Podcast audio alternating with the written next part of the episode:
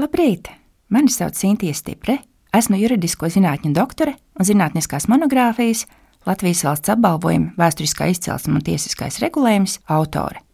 Vai zini, kā tika dibināts pirmais Latvijas civilais apbalvojums? Satversmes sapulce jau 1920. gada septembrī bija apstiprinājusi Latvijas kara ordeņa statūtus, un tā paša gada 11. novembrī jau tika pasniegti pirmie ordeņi.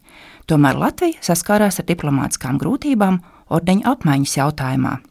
Kad Latvijas apsardzības ministram Kārlim Ulmanim, ģenerālim Balodim, pulkvežiem Krišjānam Berķim un Ludvigam Bolšteinam tika pasniegts Francijas goda leģiona ordens, Latvijai nebija ar ko atbildēt. Ne visos gadījumos ārvalstu amatpersonām varēja piešķirt Latvijas kara ordeni. Daudzas ārvalstu amatpersonas bija sekmējušas Latvijas valsts dibināšanu un starptautisko de jure atzīšanu politiski, nevis kaujas laukā. Tādēļ Latvijai bija pienācis laiks domāt par civilā apbalvojuma dibināšanu.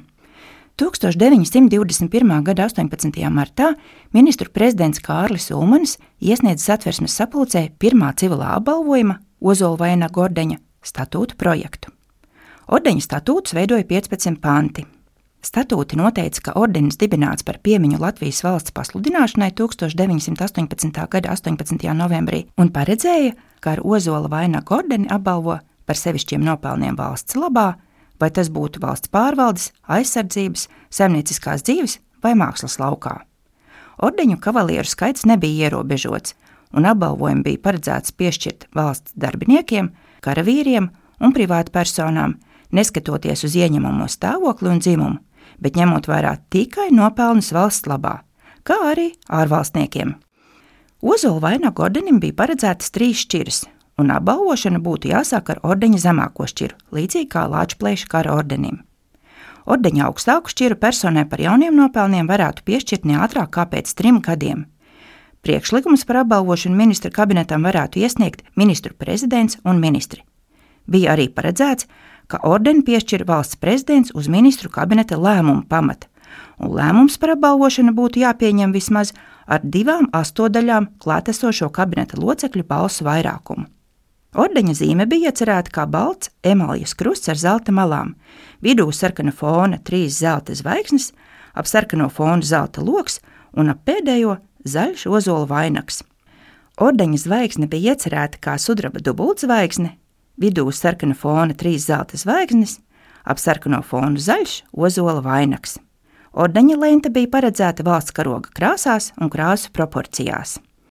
Satversmes sapulcē, skatot Ozola vainaga ordeņa statūtus, sociāldemokrāta pārstāvis Bruno Kalniņš norādīja, ka kara lietu komisijā šis likumprojekts pieņems tikai ar vienas balss pārsvaru, un komisijas mazākums likumprojektu nav atbalstījis. Pirmkārt, formāla iemesla dēļ. Jautājumi, vai Latvijā būs vai nebūs ordeņi, izšķiršot Latvijas satversme, pie kuras jau strādā satversmes komisija. Pieņemot likumu par ozola vainaga ordeņa nodibināšanu, satversmes sapulce aizteiktos priekšā valsts pamatlikumam, un rezultātā Latvijas Republikas satversmi nāktos pieskaņot ordeņa likumiem, kas nav pieļaujams. Tāpat Kalniņš uzsvēra, ka satversmes komisijas vairākums vispār iebilst pret civilo ordeņu dibināšanu Latvijā.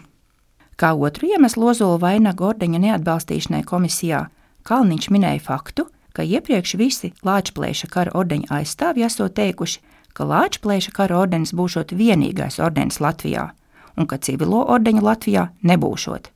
Būtu ļoti dīvaini, ja tie paši cilvēki tagad balsotu par pretējo. Rezultātā satversmes sapulces locekļi noraidīja valdības izstrādāto likumprojektu, un jautājums tika slēgts. Taču Mērovics, kurš laiku no 1918. gada rudens līdz 1919. gada jūlijam bija pavadījis Londonā un Parīzē, dibinot pirmos diplomātiskos kontaktus, zināja par apbalvojumu nozīmi diplomātsko attiecību veidošanā. Būdams vēl ārlietu ministrā matā, Mērovics par civila ordeņa nepieciešamību bija vairāk kārt runājis ar satversmes sapulces prezidentu Jāni Čaksti. To apliecina Čakstes 1921. gada 13. septembra vēstule Mērovicam, kurā viņš tikai trīs mēnešus pēc ozola vainaga ordeņa statūta noraidīšanas satversmes sapulcē Mērovicam raksta, ka Latvijas kara ordeņa domē ir pārunājis jautājumu par civilā apbalvojuma dibināšanas iespējām, un doma esot nonākusi pie secinājuma, ka karavīru civilo nopelnu godināšanai un ārvalstnieku apbalvošanai būtu jādibina atsevišķs ordenis. un šī Jāņa Čakstas vēstule bija pagrieziena punkts civilā apbalvojuma lietā.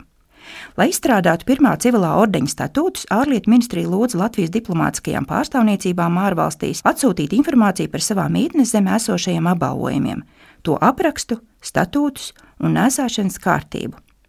Par pamatu trīs zvaigžņu ordeņa statūtiem tika ņemti 1919. gadā apstiprinātie Somijas Baltās rozes ordeņa statūti. Savukārt vizuāli trīs zvaigžņu ordenis līdzinājās Beļģijas Leopolda ordenim un Francijas goda leģiona ordenim. Trīs zvaigžņu ordeņa idejas autors bija pats Zikfrīds Anna Mērovics. Arhīvu materiālos nav izdevies atrast nepārprotamu norādi uz trīs zvaigžņu ordeņa statūta autoru, taču iespējams, vienu statūta projektu izstrādāja pats Mērovics, bet otru viņa uzdevumā Mērovics kabineta vadītājs Jānis Lazdiņš. Trīs zvaigžņu ordeņa zīmes un zvaigznes zīmējums veidoja tēlnieks Gustavs Čilters. Saima triju zvaigžņu ordeņa statūtus apstiprināja 1924. gadā, un pirmie triju zvaigžņu ordeņi tika pasniegti Igaunijas valsts vizītes laikā Rīgā 1925. gada 9. maijā.